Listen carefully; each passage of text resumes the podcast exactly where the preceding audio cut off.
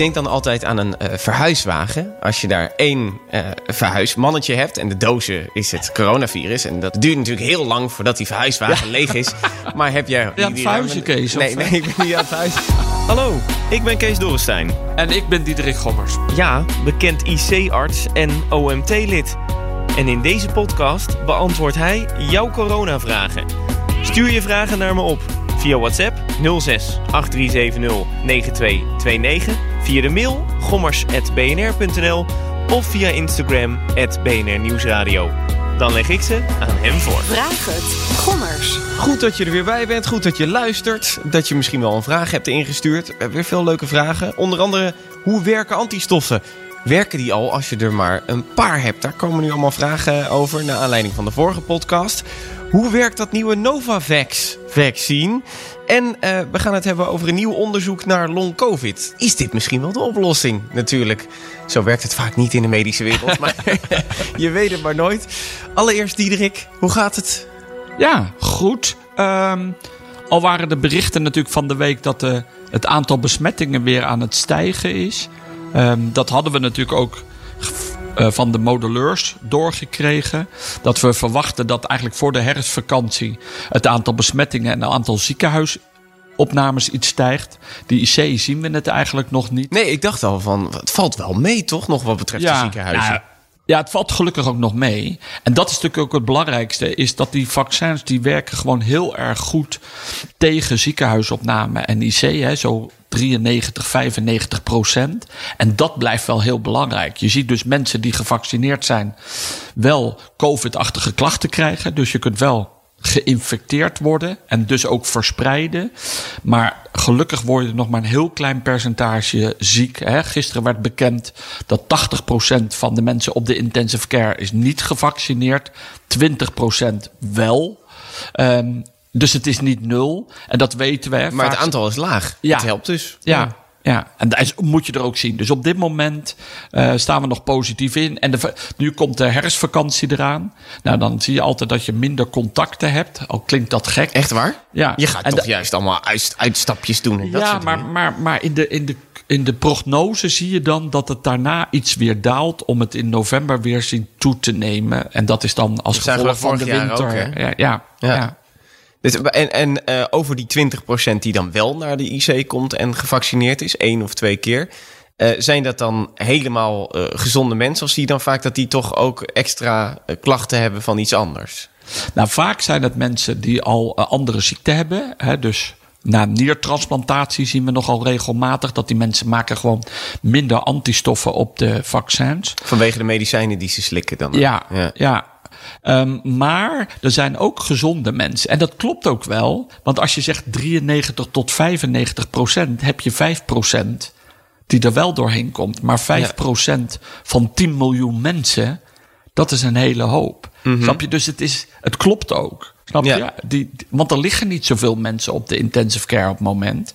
Dus ja, er zijn altijd mensen die aan, net aan de verkeerde kant van dat Die, percentage die liggen. gewoon een vaccin krijgen, maar waar het gewoon niet zo aanslaat, bijvoorbeeld. Ja. en dat meten we ook. Dus die mensen die op de IC of in het ziekenhuis komen, meten we antistoffen. En bij sommige mensen hebben gewoon geen antistoffen. En die hebben dan wel een vaccin gehad? Ja, die hebben wel een vaccin Ja. gehad en die hebben- geen antistoffen. Of sommigen hebben ook geen vaccin gehad. Maar daarom geven we ook die, die antistoffen. Hè. Dus we hebben zo'n cocktail met twee antistoffen die gemaakt zijn. Ja, die nieuwe medicijnen uit eh, Amerika, ja, toch? En, en die worden dan gegeven. En dat, dan zie je ze vaak heel snel opknappen. Eh, en dan hoeven ze niet naar de intensive care. Dat is maar een heel klein percentage Ja. wat doorkomt. Daar hebben we het eerder over gehad in de podcast dat Trump medicijnen eigenlijk heel gek. Dat, Trump was de, een van de eerste die dat Ja. kreeg. Dat was toen heel erg experimenteel. Dat is later allemaal getest en dat is nu eh, goed. En dat kan nu toegediend worden in het Ja, dus, maar dat is bij heel klein specifiek. Dus alleen Ja. maar bij mensen die helemaal geen antistoffen hebben. En die dus wel met COVID-achtige klachten naar het ziekenhuis komen. Ja. Die krijgen dan dat regenkof. Ja, we, we kregen al namelijk... Ik, ik zag nog een appje gisteren voorbij komen in de Vraag het Gommers app van iemand die zei dan... Hoe weten jullie of ze gevaccineerd zijn? Vragen jullie dat? Maar jullie testen dus antistoffen eigenlijk. Ja, maar we vragen natuurlijk of mensen gevaccineerd zijn. Mhm. Ehm, maar wat er nu ook beter is, dat die, die database van NICE, hè, waar alle IC-patiënten geregistreerd worden, is nu gekoppeld door bij de RIVM voor mensen die gevaccineerd zijn. Dus we krijgen beter een koppeling van mensen die op de intensive care komen of ze wel of niet gevaccineerd zijn. Oh, je kan het dus. eh, je- Dus je die, data, dus die twee databases Ja. Mhm. zijn aan elkaar gekoppeld. En daarom kan de RIVM gisteren ook zo'n goed bericht eh, naar buiten brengen. Want dat is echt dan Van- medische inhoud. We weten het. ja, we dus. weten het nu. Maar en dan krijg je natuurlijk altijd de vervolgvraag. Wordt er wel veilig omgegaan met de data dan? Is dat geanonimiseerd? Dat ja, nee, niet, eh, absoluut. ja. Dat, dat bedoel, da- da- daarom heeft het ook zo lang geduurd. Omdat je allerlei AVG-regels hebt. Hè, dus de privacy-wetgeving. En daar moeten ze aan voldoen. Dus je mag niet zomaar allerlei databases koppelen. Nee, precies. Maar in dit geval hebben ze dus de NICE-data gekoppeld met de vaccinatie, vaccinatiestatus. En, en kunnen we dus betere overzichten creëren. En dat is ook belangrijk, omdat we dat we net zeiden, die 95 procent. Je, op- je weet in Israël zag je dat de 60-plussers, Mhm. dat die effectiviteit van het vaccin aan het afnemen was. En daar Ja. is de derde prik gegeven. En nou, die derde prik ligt bij ons klaar op de plank. Ehm, maar je moet hem niet te vroeg geven, maar wel op tijd. En daarom is die informatie zo belangrijk. Dus als wij aanwijzingen komen dat er meer mensen die volledig gevaccineerd is, toch op de intensive care terechtkomen, op dat moment moet ook die hele strategie van die derde prik eh, aangeboden worden. Ja, dat is leuk. Daar gaan we het zo meteen ook over hebben. Er zijn wat vragen over binnengekomen. Allereerst, ehm, we hadden het in de vorige twee podcasts hadden we het erover. Dat je zei, ja, ik heb aangekaart, eh, ook in het OMT, eh, moeten die QR-codes van mensen die genezen zijn eh, van corona, die zijn nu maar een half jaar geldig, moeten die niet langer geldig worden? Nou, daar hebben jullie over gepraat. Dat advies kwam deze week naar buiten. Het wordt nu een jaar. Ehm, en nu vraagt Ellen, waarom maar één jaar en waarom niet onbeperkt? Ja. ja, eigenlijk een hele logische vraag. Maar omdat, het, omdat we dit gewoon niet eerder meegemaakt hebben en dat we weten dat je antistoffen op een gegeven moment gaan dalen. En wat we al eerder besproken hebben, dat die variant D, die heeft zoveel antistoffen. De Delta nodig. variant, Die ja. Delta variant. Ehm, en dat stukje. Dat je de, om beschermd te zijn door die Delta-variant, dat je een hoge concentratie en antistoffen nodig hebt. Daarom zijn we er voorzichtig mee. Dus eerst hadden we een half jaar, nu is dat verlengd tot een jaar. Nou, in die tussentijd doe je, blijf je onderzoek doen. En misschien kan het daarna weer verlengd Ja. Ja. En, en dat doen we dan op basis van de kennis die we dan hebben. Maar om nu al te zeggen, het is twee jaar of langer, ja, die, die kennis hebben we op dit moment niet. Dus dat, dan zijn we toch voorzichtig. Dan zeggen eh, Maaike en Aristides en nog wel wat meer mensen... die zeiden allemaal van ja, in de vorige aflevering zeiden jullie dat het belangrijk is om te weten hoeveel antistoffen je dan hebt om goed beschermd te zijn. Dus daar doet de RIVM nu ook onderzoek naar. Want als we dan een antistoffentest gaan doen en, we me- en dan meet je een bepaalde waarde, dan weet je, oh, je bent zo goed beschermd. Hop, QR-code voor het komende jaar. Maar nu zeggen ze, maar ja, antistoffen zijn toch antistoffen? Als je er al één hebt, dan werkt het toch al? Of, of werkt het niet zo? Nee, kijk. Ehm, als je virus binnenkrijgt, hè, dat adem je in. En dat komt in je neus. En dan, hè, dan, eh, hadden we, dan koppelt zich aan die ACE2-receptor. En dan komt het je cel in of je bloedbaan in. Op dat moment moet het gelijk herkend worden. Dus die gekke spike-eiwitten. Die zijn vreemd voor je lichaam en die worden herkend door die antistoffen. En die neutraliseren, dus die maken gelijk dat virus inactief. Maar als je nou heel veel virusdeeltje je lichaam inkomt, dan moet je ook heel veel antistoffen hebben. En als je. En, en tuurlijk heb je ook weer, want hè, het afweer is complex, maar gelukkig is dat. Die, daar zitten ook weer geheugencellen, dus je kunt ook weer antistoffen aanmaken op het moment dat jouw lichaam ineens overladen wordt met virusdeeltje. Maar hoe meer antistoffen je tegelijk hebt, hoe sneller het in ge, ge- eh, geïnactiveerd het wordt, dus uitgeschakeld wordt. Ja. En dat is zo belangrijk. Want als je wat trager afweer hebt met minder antistoffen, dan kan dat virus toch al beginnen in jouw cellen om zich te vermenigvuldigen. Ja. En krijg je weer meer virusdeeltje. En dan ben je eigenlijk wel te traag. Ja. Dus daarom is die concentratie van het aantal antistoffen zo belangrijk om het zo Om gewoon een snel snelle reactie. uit te schakelen. Het is, heeft eigenlijk met de snelheid van het anders- uitschakelen van Anders het virus duurt het te maken. lang voordat het, stel je hebt maar één antistof, in het meest bizarre geval, ehm, dan moet hij zich vermenigvuldigen. eh, laten we en zeggen dat dat één antistof één virusdeeltje. Ja. Maar als je dan een miljoen virusdeeltje binnenkrijgt... Ja, dan, Dan, dan kunnen die andere virusdeeltjes zich verspreiden. En En, dan wordt het dan heel snel een paar miljoen virusdeeltje. Ja, dan loop je achter de feiten aan. Precies, dus En dan, en dan krijg je dus die eerste dagen wel griepachtige klachten of covid-achtige klachten. Ehm, en daarna wordt het pas je afweer schakelt ehm, die, die virussen uit. Ook die cellen worden dan kapot gemaakt waar die virussen in zitten. Mhm. Maar dat duurt dan een paar dagen.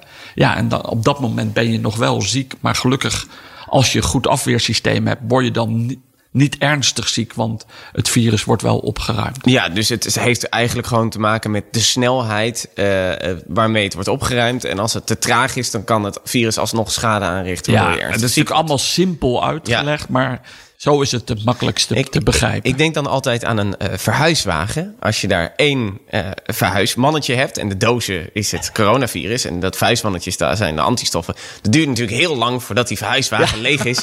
Maar heb je, heb je vijf eh, mannetjes, die, die helpen. Ben je aan het verhuizen, Kees, Nee, nee, eh? ik ben niet aan het. Hoe kom je nou aan dit voor? Ja, nee, ik, ja ik, doe, ik doe ook heel veel tech-dingetjes bij BNR. En eh, daar is ook de verhuiswagen... kan je ook altijd het werkgeheugen van een computer perfect Oh, uitleggen.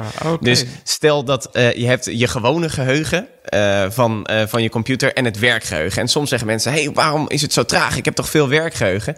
Maar op het moment dat je eh, werkgeheugen zijn de verhuismannetjes... en je gewone geheugen is de inhoud van die wagen. Als die wagen bijna vol zit met, met allemaal dozen... je gewone geheugen zit bijna vol... ja, dan zijn die... eh, dan zijn die mannetjes alleen maar een beetje aan het passen en het meten en kijken van kan er nog een doos bij? En dat is dus, daarom is je werkgeheugen dan traag. Want ja, die mannetjes die, die, die hebben geen ruimte meer om snel hun werk te doen. dus vandaar dat ik altijd een verhuiswagen erbij pak, want dan iedereen snapt dat. Oké, Ja, nou ja. nou, Nou, die gaan we erin houden. Die dan. gaan we erin houden bij- bij deze. Ik hoop dat je nu ook eh, tech Ja, een beetje dus snapt. wordt dan eh. denken in verhuisdozen, verhuisvrachtwagens en mannetjes. Ja. Verhuizers. Precies, iets heel anders nou, eh, dan het Janssen-vaccin. Want Andela en Martijn die zeggen... Beste Kees en Diederik, in Duitsland is er nu voor gekozen... om mensen met het Janssen-vaccin een extra prik te geven... met een mRNA-vaccin... vanwege een verminderde bescherming tegen de Delta-variant van dat Janssen-vaccin. Is dat in Nederland ook te verwachten of misschien slim zelfs? Ja, kijk, Janssen had het voordeel ehm, dat zij gekozen hadden voor de strategie dat je maar één prik nodig hebt. Maar als je kijkt naar de effectiviteit, dus krijg je COVID-achtige klachten, dan werkte het minder goed dan die mRNA-vaccins. Dat lag ergens in de 60%, maar dat zagen we ook een beetje bij AstraZeneca. Precies. Nu zijn er studies gedaan en die zeggen: luister eens, als je nou een tweede prik geeft. Nou, Janssen zelf heeft, hè, Johnson Johnson heeft in Amerika een studie gedaan. Bij 30.000 mensen, geloof ik. En daar hebben ze een tweede Janssen gezien. En dan zie je dat die effectiviteit om eh, corona te voorkomen gaat van 67% naar 94%. Dus die tweede prik geven heeft zin. Er zijn ook andere studies geweest die hebben gezegd: ja, maar zou je niet een mRNA-vaccin als tweede Precies. prik kunnen geven? Nou, die laten ook heel goed zien dat dat beter is. Ehm, dus een tweede prik geven helpt. Dan heb je een betere bescherming. Ja, gewoon meer antistoffen. Ja. Ehm, en dus is het logisch dat in Duitsland op basis van hun gegevens ze dat besloten hebben, want er is duidelijk bewijs voor. Ehm, in Nederland. Ja, we houden het allemaal weer goed in de gaten. En waar we het net over hadden. Als er in Nederland aanwijzingen zijn dat het met Janssen-vaccin toch meer mensen ziek worden. dan verwacht ik eigenlijk ook dat ze dat gaan afkondigen. Ik, ik heb op dit moment niet gehoord dat dat in Nederland al speelt. Maar het zou zomaar kunnen dat dat de komende dagen of de komende weken wel dat besluit genomen wordt. Precies. Dus er is, er is duidelijk aanwijzing in literatuur dat je een tweede prik kan geven en dat dat helpt. Ehm, op dit moment is het nog niet besloten in Nederland. Maar het kan zomaar gaan dat dat de komende dagen, weken gebeurt. Maar wie, wie gaat daarover dan? Het kabinet of de gezondheidsraad? Of moet het OMT daar dan weer een advies Ah, over kijk, geven? het OMT zit vooral over infectieziekten. de, alles met vaccins ligt vooral bij de gezondheidsraad. En al die adviezen komen uiteindelijk bij de minister. En die neemt uiteindelijk het besluit. Eh, dus soms kan, als er data beschikbaar komt vanuit die RIVM, wat we net hadden over die database. dan kan er bijvoorbeeld best wel een advies richting de minister komen. Maar eigenlijk gaat de gezondheidsraad, wordt vaak um, geraadpleegd om erover na te denken. Nou, de gezondheidsraad heeft ook al een advies gegeven dat je derde prik kunt geven. Nou, dat ligt op de plank. De minister heeft gezegd, oké, als dat moet, dan gaan we dat doen. Maar het is nu nog niet besloten om het te doen. Dus dan wacht je de informatie, nou ja, die er allemaal geregistreerd wordt, die gebruik je om het momentum te kiezen. Oké, precies. Dus we moeten eigenlijk de gezondheidsraad even in de gaten houden. Als die met het advies komt, dan is het aan het kabinet om te kijken, nemen we dat over? Ja, is het en vaak komen die vragen dan op basis van signalen uit, nou ja, uit de gezondheid. Dus ja. dan worden die vragen vaak gesteld aan dan wel het OMT of dan wel als het over vaccins gaat. Ja, dus, dus uh, we, we hebben dit soort onderzoeken nu, dus we kunnen er wel van uitgaan dat de gezondheidsraad daarnaar aan het kijken is. En, uh, ja, op basis ja. van deze uh, studies denk ik dat ze, ja, weet je eigenlijk het antwoord. Ja, dus dat ze, dat ze ergens de komende tijd gaan zeggen, het is aan te raden om die tweede prik Ja, maar op dit moment hebben we nog helemaal niet. In Nederland is dat nog niet het geval. Dus je moet ook niet dingen doen uit voorzorg, snap je? Nee. Dus we doen het als het nodig is. En, en we weten dat er voldoende literatuur is. Precies. Dan uh, Marieke. Zij zegt: Hoe weten we wie van de niet-gevaccineerden wel antistoffen hebben omdat ze corona hebben gehad? Kan dit niet een veel groter aantal zijn dan gedacht? Want er wordt nu gezegd van 1,8 miljoen mensen uh, zijn niet gevaccineerd in, in Nederland. Maar zij denkt dus van, kan het niet zo zijn dat die ook niet gevaccineerd zijn... omdat de helft misschien al gewoon corona heeft gehad. Dus dat ze zeggen, ja, we hebben antistoffen, dus we willen niet. Ja, ja ze heeft absoluut gelijk. Want bedoel, het maakt niet uit hoe je afweer krijgt... Of je dat nou via de vaccins krijgt of via COVID. En dan heeft het wel een beetje, dan moet je, hè, hoe zieker je geweest bent van je COVID, is wel het idee dat je meer antistoffen hebt, dus betere afweer. Als je het heel mild hebt gehad, zijn er soms twijfels. Um, maar maar ze heeft absoluut gelijk. Eigenlijk zou je dat willen meten. En dat is ook wat we nu gevraagd hebben aan de RIVM. Mm um, van luisteren, zou jullie dat niet beter onderzoek willen doen? En zouden we dat niet willen uh, voorbereiden? Dat eigenlijk dat je antistoffen gaat meten bij Ja. mensen. Um, want dat is eigenlijk heel logisch. Want dan weten we ook echt of we ons zorgen moeten gaan maken. Want nu denken we zo, er kan nog best wel een flink aantal naar de IC komen. Maar misschien heeft wel een heel uh, groot aantal mensen al gewoon antistoffen omdat ze corona hebben gehad. Kijk, uh, Sanquin, hè, dus de, mm -hmm. de, de, de, organisatie over bloeddonors, die, die meet bij hun patiënten, dus mensen die bloed af kunnen geven, het aantal antistoffen. En daar is het antistoffen heel hoog. Hè?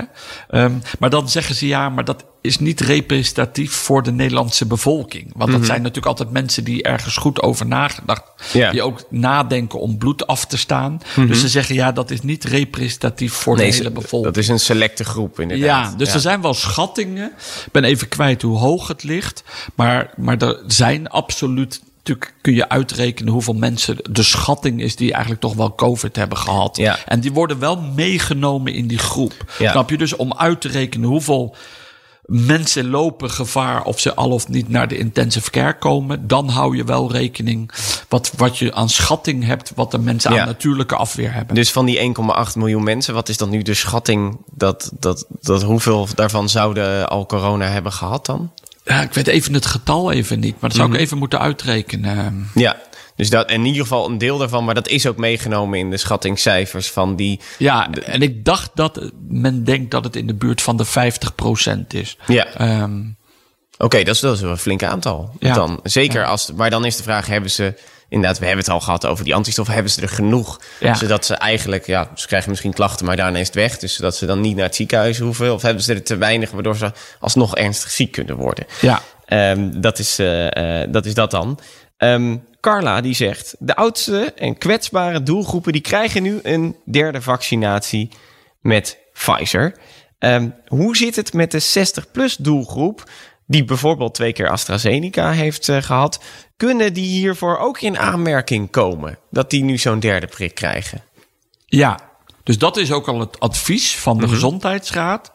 Maar ze hebben het nog even uitgesteld, omdat er onderzoek uit Engeland laat zien dat het nog niet nodig is in die groep. De- omdat die, die effectiviteit van het vaccin werkt nog steeds goed tegen ziekenhuis- en IC-opnames. Ook een grote studie in Amerika laat dat zien. Alleen een kleinere studie in Israël ehm, die zegt juist, ja, wij zien bij de 60-plussers toch meer ziekenhuisopnames. Ondanks dat zij al in november, december waren begonnen met het mRNA-vaccin. En je ziet natuurlijk na verloop van tijd dat die effectiviteit wat afneemt. Ehm, en ook een kleine studie in Schotland. Ja. Dus ja, en daarom, dus we zitten er bovenop. En daarom is die data ook zo belangrijk. Dat als we nu onverhoopt meer IC-opnames zien, Ja. dat we dan weten of het wel of niet gevaccineerde mensen zijn. Ja. Want dan, als wij het idee hebben dat we dezelfde kant op gaan aan Israël, ja, dan moeten we als een gek zeg maar die derde prik geven. Ja, en dan kan je zeggen, van, ja, waarom 60-plussers. doe je het nu niet? Ja, omdat je er op, op dit moment geen aanwijzingen voor hebt. En als je hem te vroeg geeft, ja, ook die derde prik, die heeft weer een verloop. Snap Mhm. je? Dan ben je over zes maanden of acht maanden, heb je misschien weer minder effectiviteit. Dus je wil hem op het goede moment aanbieden. Nou, en dus houden we het goed in de gaten. En is er nog op dit moment niet besloten om 60-plussers. En er is ook geen aanleiding toe om die de derde prik aan te bieden. En eh, dus op het moment dat jullie op de IC een stijging zien van het aantal gevaccineerde 60-plussers, dan wordt dat doorgegeven. En dan kan het zo zijn dat het OMT dan- dan of de ik, Gezondheidsraad zegt van we moeten nu Ja, eh, meer ja, de- gaan. Ja. Dus dan zal het OMT dat gelijk adviseren. En ik verwacht dat de minister dat ook gelijk overneemt. Ja, en eh, eh, jij bent deskundige wat betreft de IC's. Welke groei moeten we dan zien? Nou ja, kijk, die modelleurs houden heel goed. Die maken iedere week nieuwe modellen.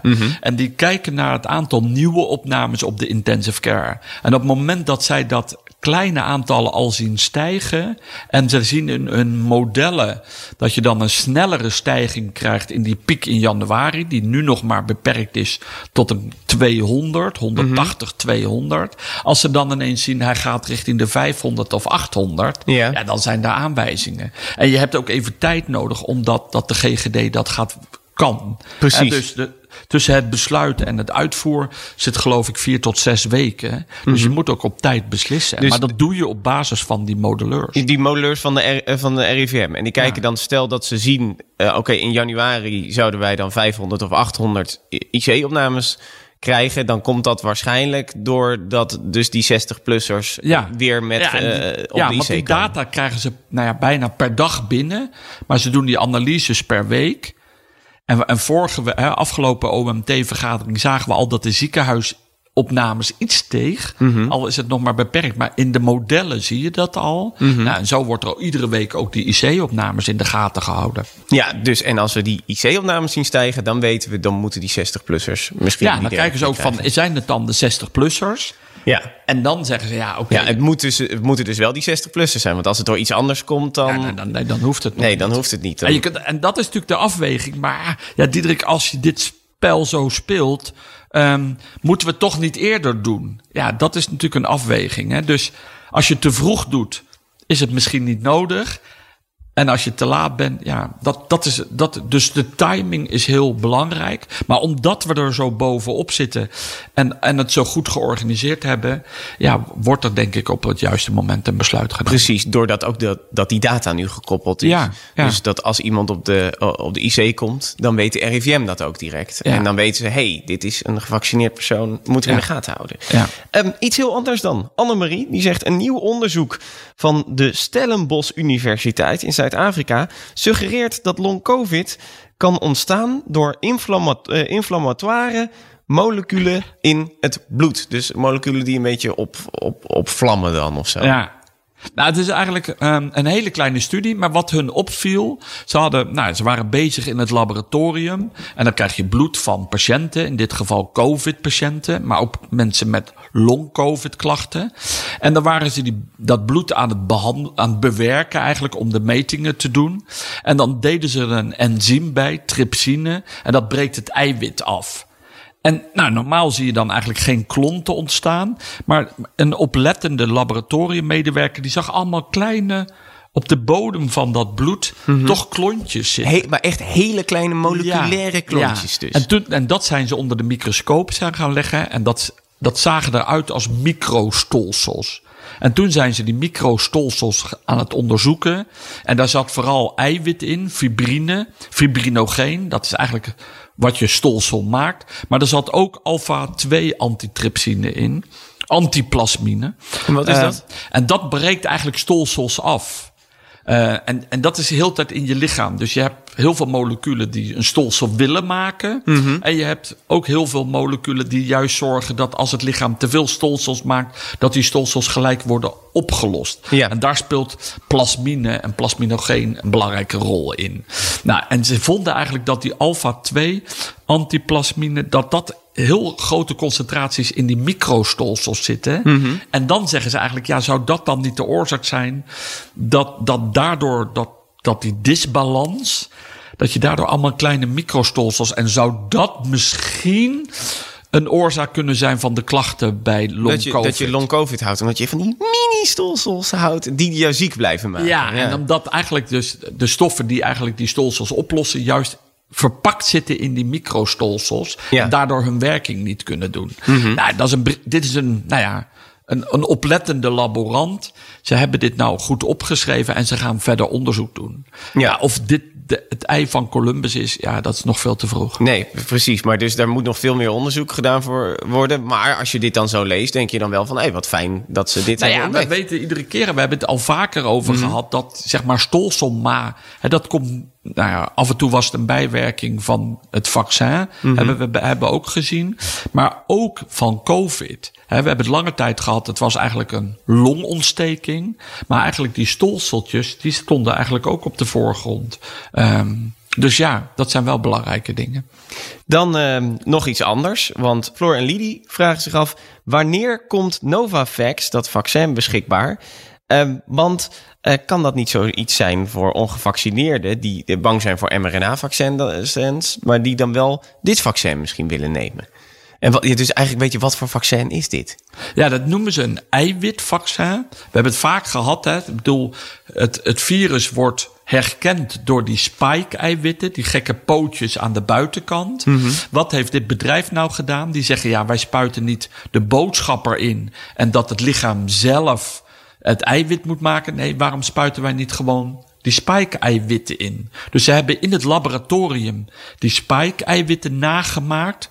Eh, nou, in dat vaccin zitten al die eiwitten. Eh, en dat spuit je eigenlijk in, in iemands lichaam. Ehm, en dan ga je antistoffen maken. Dus ze, sla, Ja. ze, st- ze slaan één stap over. Ja. Nou moet je altijd oppassen bij eiwitten die je inspuit. Krijg je daar geen allergische reactie van? Ja. Nou, dat hebben ze getest bij een groot aantal patiënten. Ze zien eigenlijk geen noemenswaardige bijwerkingen, zoals ze dan schrijven. Ehm, en het geeft goede bescherming. Ze schrijven als bedrijf, het is geen ehm, eh, test nog, maar 90% bescherming tegen COVID of tegen corona. Dus ja, dat is heel ehm, logisch. En het grootste voordeel is ook, je hoeft het niet in de diepvries te bewaren. Dus bij Ja. hele lage temperaturen, het kan gewoon in de koelkast. En dan is het veel makkelijker door huisartsen, maar ook straks in Afrika Ja, te in- gebruiken. Precies, in ontwikkelingslanden waar het heel warm is. Ja. Eh, alleen het is, ja, het heeft even, ze hebben wat productieproblemen gehad om dat eiwit goed te maken en stabiel te houden. Zover ik begreep. En daardoor is het een beetje aan de late kant. Dus nu, ja, voor ons zou het misschien voor de derde prik kunnen aangeboden worden. Ja. Ehm, maar het is misschien ehm, ook heel belangrijk om in andere delen van de wereld dit vaccin aan te bieden. Dus ik weet niet precies waar het staat. Want ik had ook berichten gehoord, maar kon het niet helemaal meer terugvinden. Dat Wanneer ze het toch weer terug ingetrokken hadden, het bedrijf. Ehm, maar dus we moeten het een beetje afwachten vanwege nou ja, bedoel, productieproblemen. het, eh, volgens mij eh, is het nog niet helemaal ehm, op het moment beschikbaar. Ja, maar het is dus wat anders dan de AstraZeneca, Janssen en eh, de mRNA-vaccins. Ja, dus, Het, het- ja, dus ze, ze spuiten eigenlijk eh, laboratorium gemaakt spike-eiwitten. Die Ja. hebben ze een hele grote hoeveelheden. Dat stoppen ze in het potje en dat spuit je in het lichaam. Dus Ja. ze maken geen gebruik van genetisch Nee. boodschapper zoals die andere vaccins. Nee, dus precies. het is echt Ja, anders. dus, je lichaam maakt niks aan, het krijgt het gewoon al. Dat is het ja, een beetje. en dat is het wel. Ik kan me voorstellen dat zeggen, mensen zeggen: ja, ik hou niet zoveel van dat genetisch gemanipuleer. Eh, ik kies voor dit. En Mhm. daarom denk ik dat het goed is dat je verschillende vaccins en dat mensen straks een keuze hebben. Ja, dat ze precies eh, dat ze kunnen kiezen hoe en wat. Mark, die eh, zegt allereerst complimenten voor de podcastserie. En hij zegt, ik vind het prettig dat je als expert ook durft te zeggen dat je sommige dingen nog niet weet. Uh, hij zegt daar ergert hij zich een beetje aan dat de politiek een soort van doet alsof ze dingen weten. En dat jullie zeggen, ja, we hebben nog niet, uh, niet alle data. Hij uh, zegt wel, Ehm, naar mijn idee worden alle beslissingen van het OMT gebaseerd op het ergste scenario. Dus dat ze een eh, soort van extreem voorzichtig worden gemaakt. En hij vroeg zich af, is dat ook zo? Dat jullie dus eigenlijk altijd het meest voorzichtige besluit nemen? Ja, ik kan me voorstellen dat hij dat denkt. Maar gisteren kwam dat uh, KPMG-onderzoek uit. Ja. En die vonden eigenlijk dat we in Nederland het goed gedaan hadden op de economie. Mhm. Maar even hè, een beetje vereenvoudigd neergezet. Maar dat we meer uh, mensen overleden waren in Nederland door ons beleid. Als je dat vergeleken met de Scandinavische We waren niet landen. streng genoeg eigenlijk. Ja, nou, zij zeiden wij hebben gevaren op IC en ziekenhuisopnames. En die landen, Denemarken, Noorwegen en andere, Finland geloof ik, die hadden vooral gekeken om te voorkomen dat je de besmettingen ziet oplopen. Nou, dus je kan nog voorzichtiger zijn. Ja. Ehm, waar het belangrijk is, is als je met die modelleurs ziet en je ziet als het dan gaat stijgen in, in dit geval nu dadelijk januari. Daar is op wat je wil doen. En dan gaat het niet zozeer misschien over de COVID. Maar als je ziekenhuiscapaciteit overloopt, dat je ook niet een, iemand met een hartinfarct kan behandelen. Of Ja. met een trauma. En Precies. Mhm. dat is waarom we zo scherp in de wedstrijd zitten.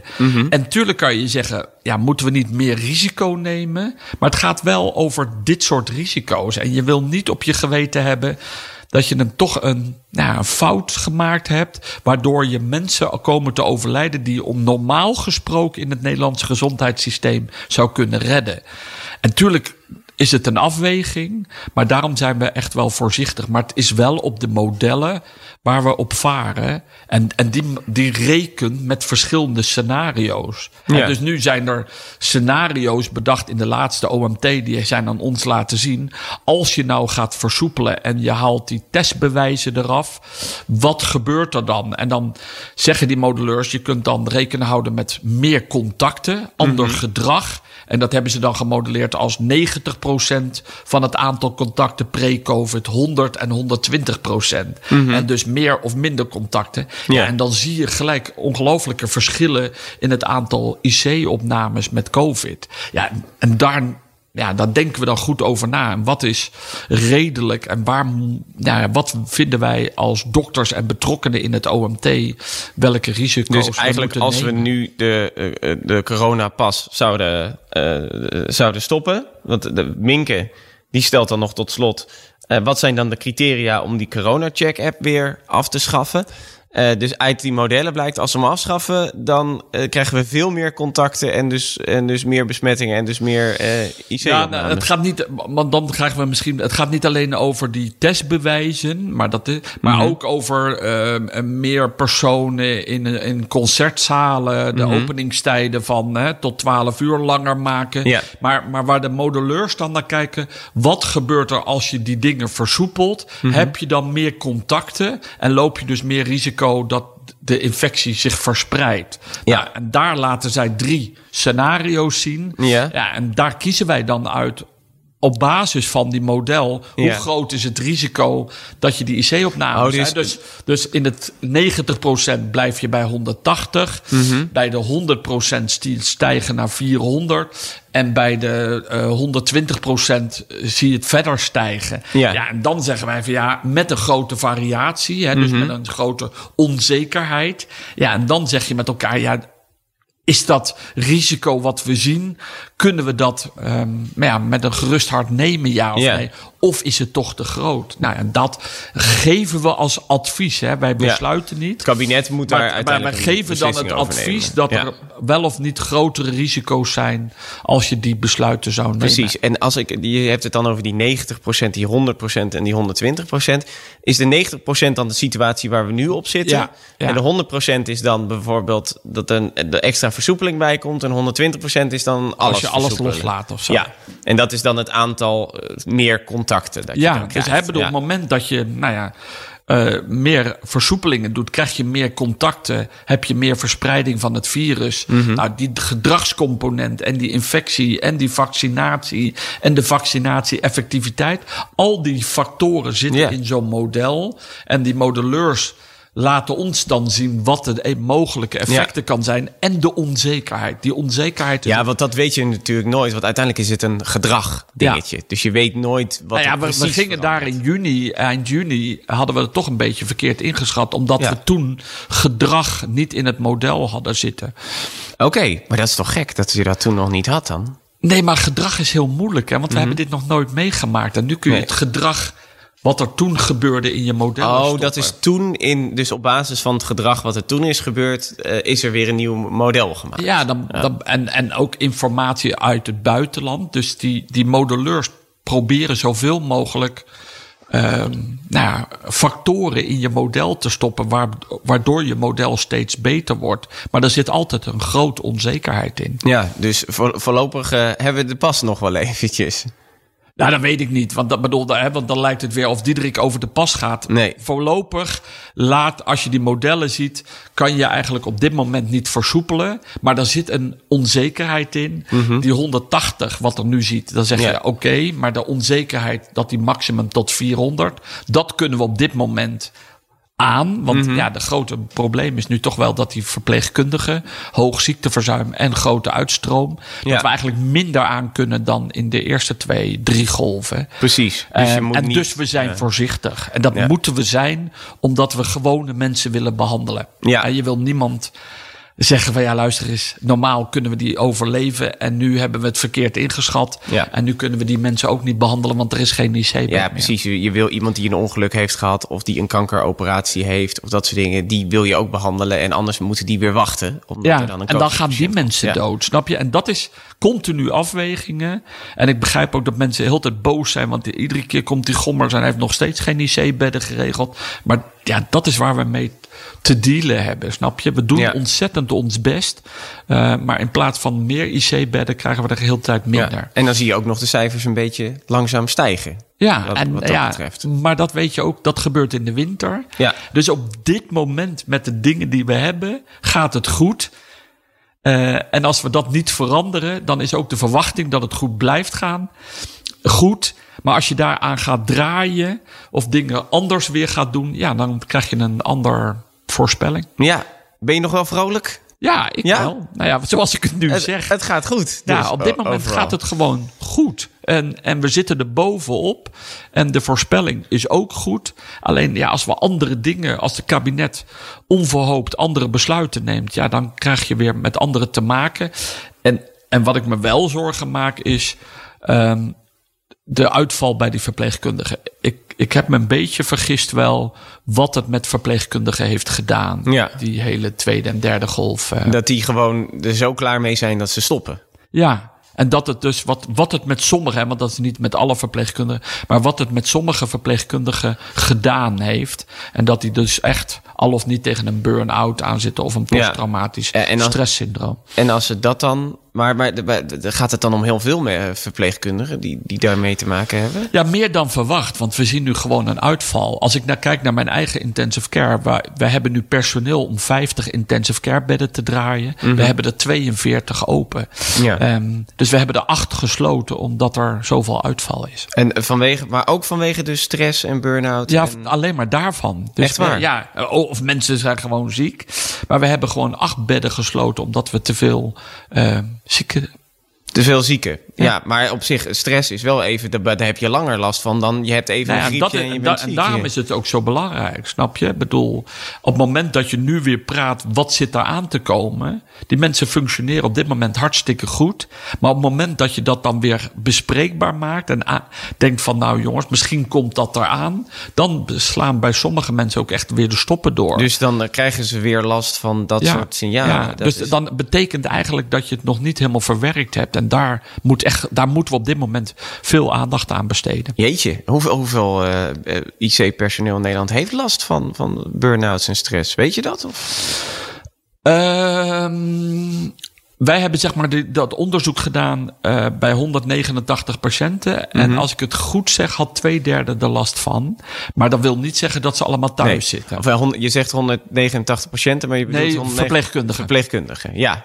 Die, eh, eh, en dat zijn dan gewoon over heel Nederland dan? Of alleen nee, nee, nee, was op mijn Ja. eh, int- intensive care net Erasmus MC. Precies. En eh, twee derde die heeft meer, in meer of mindere mate Ja, die hebben last van stress. stress. En vooral hoe om te gaan met stress. Durf ik, kan ik nee zeggen? Mhm. Ehm, en, en de werk-privé-balans is, Ja. is Maar ja, op zich, 8 van de 50, dat is, eh, dat is, eh, wat is bijna 20 procent... Ja. die gewoon eh, uitvalt vanwege meer of mindere mate van stress. Ja, Dat vind ik veel. ja. We moeten eigenlijk wat liever als hele maatschappij omgaan met onze. Nou ja, dat is natuurlijk ook. Bedoel, maar dat is natuurlijk ook. Maar alle, allerlei aspecten zijn belangrijk. Hè, bedoel, maar wel.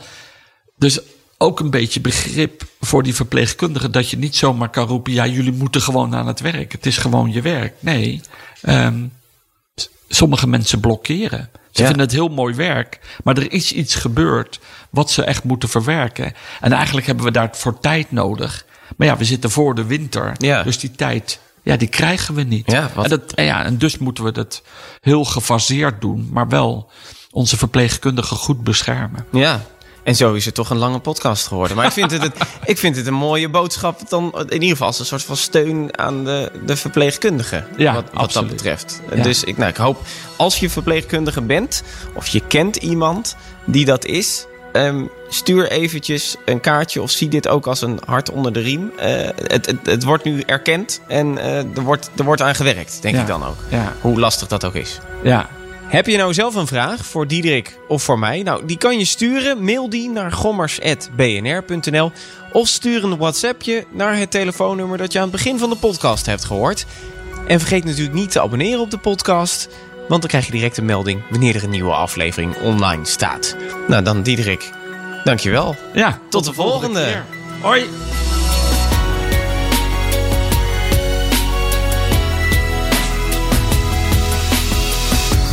Vraag het. Gommers. Gommers.